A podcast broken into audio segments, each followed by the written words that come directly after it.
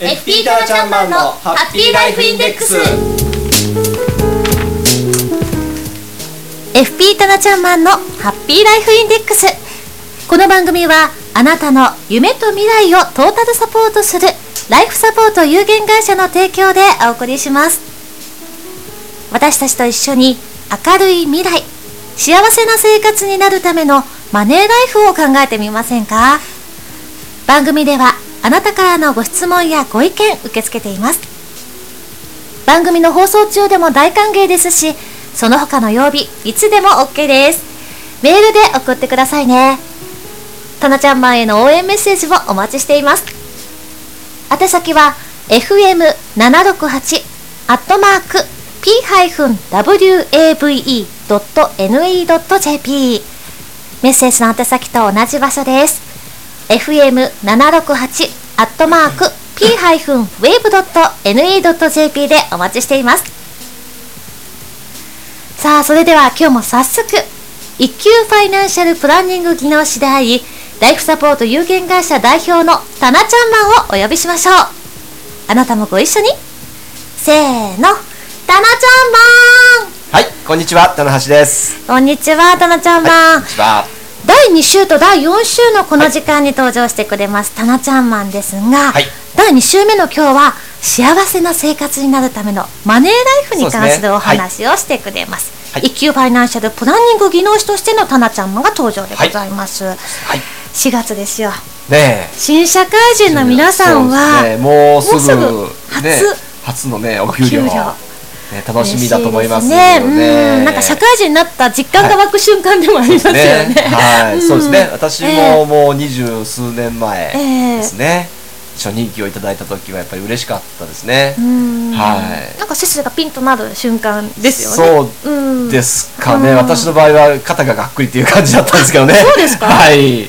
思ってたほど多くなくて。ああ、そうなんですね。はいえええーはい。ね花咲さんはこはい。の初任給というとどうなんか思い出とかありますか？私はですね、ええ。あのその社会人になる前にはい。すで、にあの学生の時フロントクラクラーク、はいはい。フロンあのホテルのフロントの、まあアルバイトというかはい。定時社員として働いていたので、えそんな実感はなかったんですが、うん。やっぱりこう学生から卒業してはい。一番初めのお給料は、あの両親にプレゼントをしようと悩んだんですが、はい。考えつかなくて、はい。結局のところ、ん。ご飯を一緒に食べに行きました、あー多分連れてったって言って偉そうな言い方ですけど、はいいはええあ素晴らしいですね。いえいえはい。私はね、はい。あのしょ社会人初社会人になって、え寮に入ったんですね。ああのはい。県外だったもんですから、はい。あの配属先が長野県だったんですね。で寮に入ったもんですから、えー生活費すべて生活費で終わっちゃいましたね。はい。だから何にも思い出がないんですよ。そうですか、えーこう家財道具揃えなくちゃいけないうんので、うん、そちらで使ってしまいまして、うん。うんお給料が足らなかった思い出しかないですね。あそうです、えー。またそれもなんか社会人としての一歩ですよねすべてのものを自分でこうね。支払っていかなくてはいけない、はい電気代水道代ガス代とね、ねねそれも実感は湧く瞬間でもありますよね、はい。だからすごく苦しかった生活をね、おあのうん思い出として残ってますけれども。はい、ということでね、社はい。会人の方、はねえー多くの方は25日かな、今月の25日、うん。来週の火曜日だと思うんですけども、ええ。初任給がね、もらえると思うんですけれども、やはりその社会人になりましたら、やはええ。り今までね、その学生時代アルバイトをしていたりとかね、うん。いう方もいらっしゃると思うんですけれども、はい。やっぱりアルバイトとね、えー正社員で働くのとまたやっぱり意味が違うと思いますので、ええ。社会人としてのやっぱり役割といいますか責任うん。っていうのがね出てきますのでやはりお金の使い道もねきちんと、えーしていただきたいなというふうに思いまして、ええ。今回はねその社会人新社会人の方に向けてね、ええ。じゃあお金はどうしていけばいいのかというお話をしてみたいな。はい必見ですよ皆さん、はい。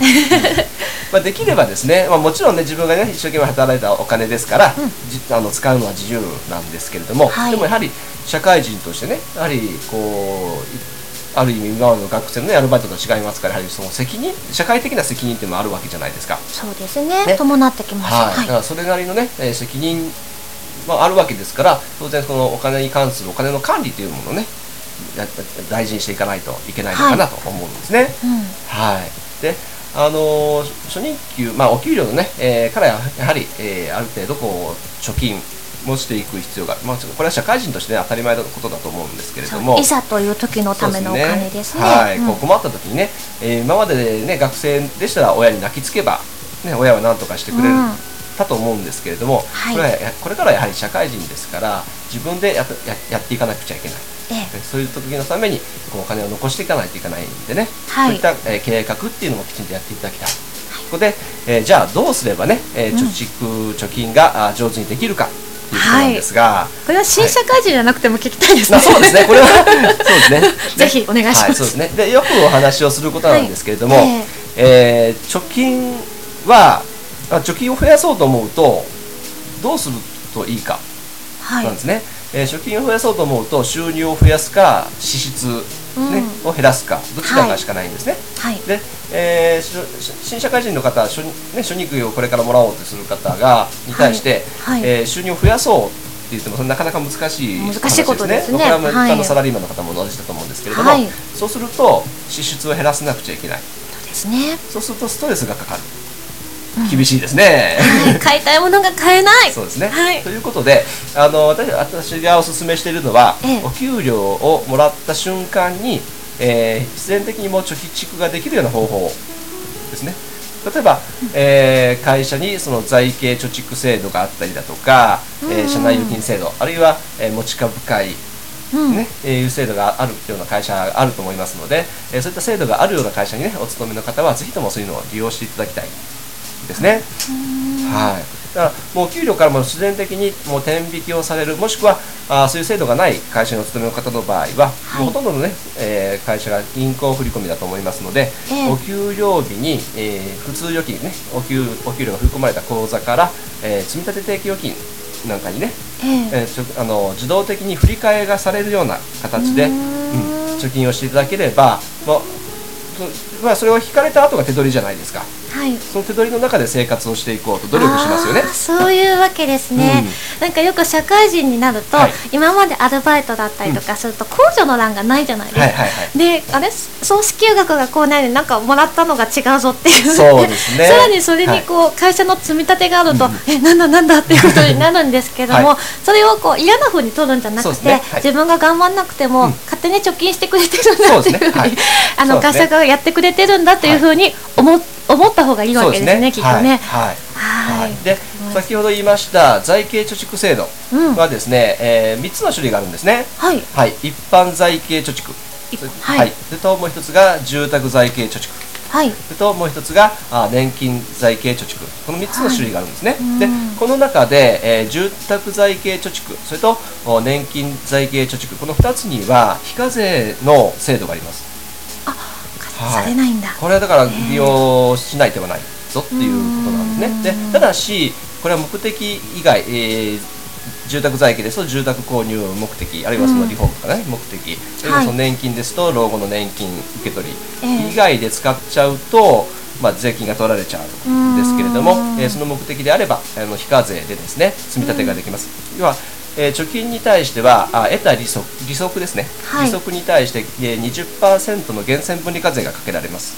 はい、あの自動的に利息に対して20%税金取られるよっていうことなんですけれどもうん、えあの財形えー住宅財形貯蓄と、はい。お年金財形貯蓄に関しては税金が必要なありませんのでね、うん。こういった制度を使うというのも一つの方法ですし、こういった制度を利用すると会社の方からですねある程度補助が出出たりとかする会社もあるようですので、ぜひそういうのをね利用されると、そうですね、はい、あの思った以上にお金は貯まっていくぞというふうになりますのあーで、ぜひ新社会人の方はねそういええ。う制度があるのかどうか、あ会社の総務あるいは労務のね担当の方に、えー確認していただいてええ。利用していただくといいのかなと思いますね。あーそうですね、はい。なんかあの新社会人の方がなかなか年金とかね、あのそうですね。住居ってなかなかピンとこないかもしれないですけど、はい。例えばご家族と一緒に住んでいらっしゃって、うん。この後ね自分の持ち家が欲しいとか、はい。一緒に住むためにうん。こんなお家を建てたいっていうねこう目標がある方は、はいお父さんお母様ととお話しされて考えてもはいそうですね。いいかもしれませんね。そうですであのやはりねそういうのを利用するっていうのも一つのね、えうん。ーライフプランニングのね、えー一つのきっかけになりますし自分の今後の人生をね、えーうん。どう描いていくのかっていうね一つのね、えー考えるいい機会になると思いますので、ぜひ考えていただいてその目標に合わせて貯蓄をねやっていただければといういいと思います。はい。で一般財形貯蓄に関してもあの会社のね、えー補助なんかもあるせ会社もあると思いますので、そういうのねぜひ利用していただければと思います。はい。ロームの方に聞いてみる価値ありですね。きっとびっくりされると思いますけれどもね。このこの子なかなかできるなって、あと思いますよ、あのやはりね、社会人として大切なことっていうところはね、まずうん。将来どういうふうな、ね、考え方を持っているのかっていうのも一つのね、えーその人の人材を見ていく一つの大大切なポイントですから、うん。そういうことをね、考えてね、やっていかれて、会社の方とお話しされると、あの一目置かれるような存在本になると思いますよ。ねびっはい。くりされると思います、ね。いろんな、使い方がありますので、はい。自分でやるのもよしそう,、ね。いうようなところに対応でもよし、はいということですそうですね。ねはい。ぜひ有効的に、はい、ぜひやっていただければとはい。していただきたいと思います。はい。ただね、あの、まあ、最初のお給料なのでね、あの、好きなものを買って、自分へのご褒美というのももう、はい。もちろんね、あの記いいかもしれませんけどね。ね何かね残るものをね、はい。うんあの買っていただくのもぜひいいと思いますので、はい、い、ろんなルール方法がありますので、はい。ぜひ皆さんなりのねね。敵なはい。考え方でね、はい。進めていただきたいなと思います、社会人の皆さん頑張ってくださいね、ありがとうございます、はい。なちゃんまでこの番組はですね、はい。第2週と第4週をお届けしているんですが、はい。第4週は、はい。今度は心理カウンセラーとしてのそうですね。はい。心のはい、ついてのお話をしていただきます,、い新社会人で1ヶ月経ったけどちょっとなーっていうようなお悩みがもしありましたらですね,、そうですねぜひこの番組の方へとメッセージをお寄せください、ちょうど次回のね放送が、あのゴールデンウィーク前なのでね、そうですね。はい、ゴゴールデンウィークを明けると五月病っていうのをね、あります。よく聞きますね。それにならないような方法なんかも。ねもう実家に帰っちゃって次来なくなっちゃったってことにないようにだけねはい。いろんな相談を受け付けますので、はい。ぜひぜひお寄せいただきたいと思います、はい。FM768 アットマーク P-wave.ne.jp でお待ちしています、はい。そしてねこのライフサポート有限会社のホームページもぜひチェックしてみてください、過去の放送分もお聞きいただけますしあれ今日あの漢字いっぱい並んでたの何だったっけ？っていうのね そんな放送なんかもねもう一度聞いていただくことが可能でございます、はい。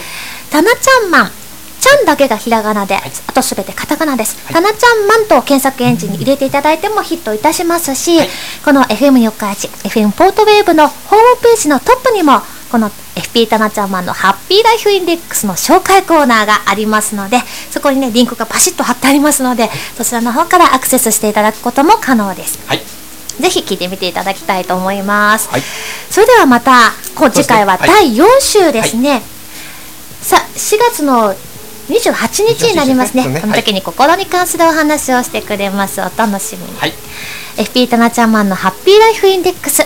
この番組はあなたの夢と未来をトータルサポートするライフサポート有限会社の提供でお送りしました。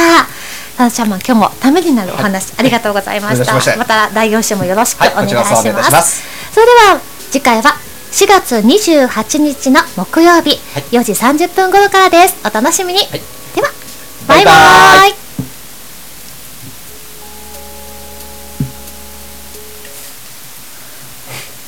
世界一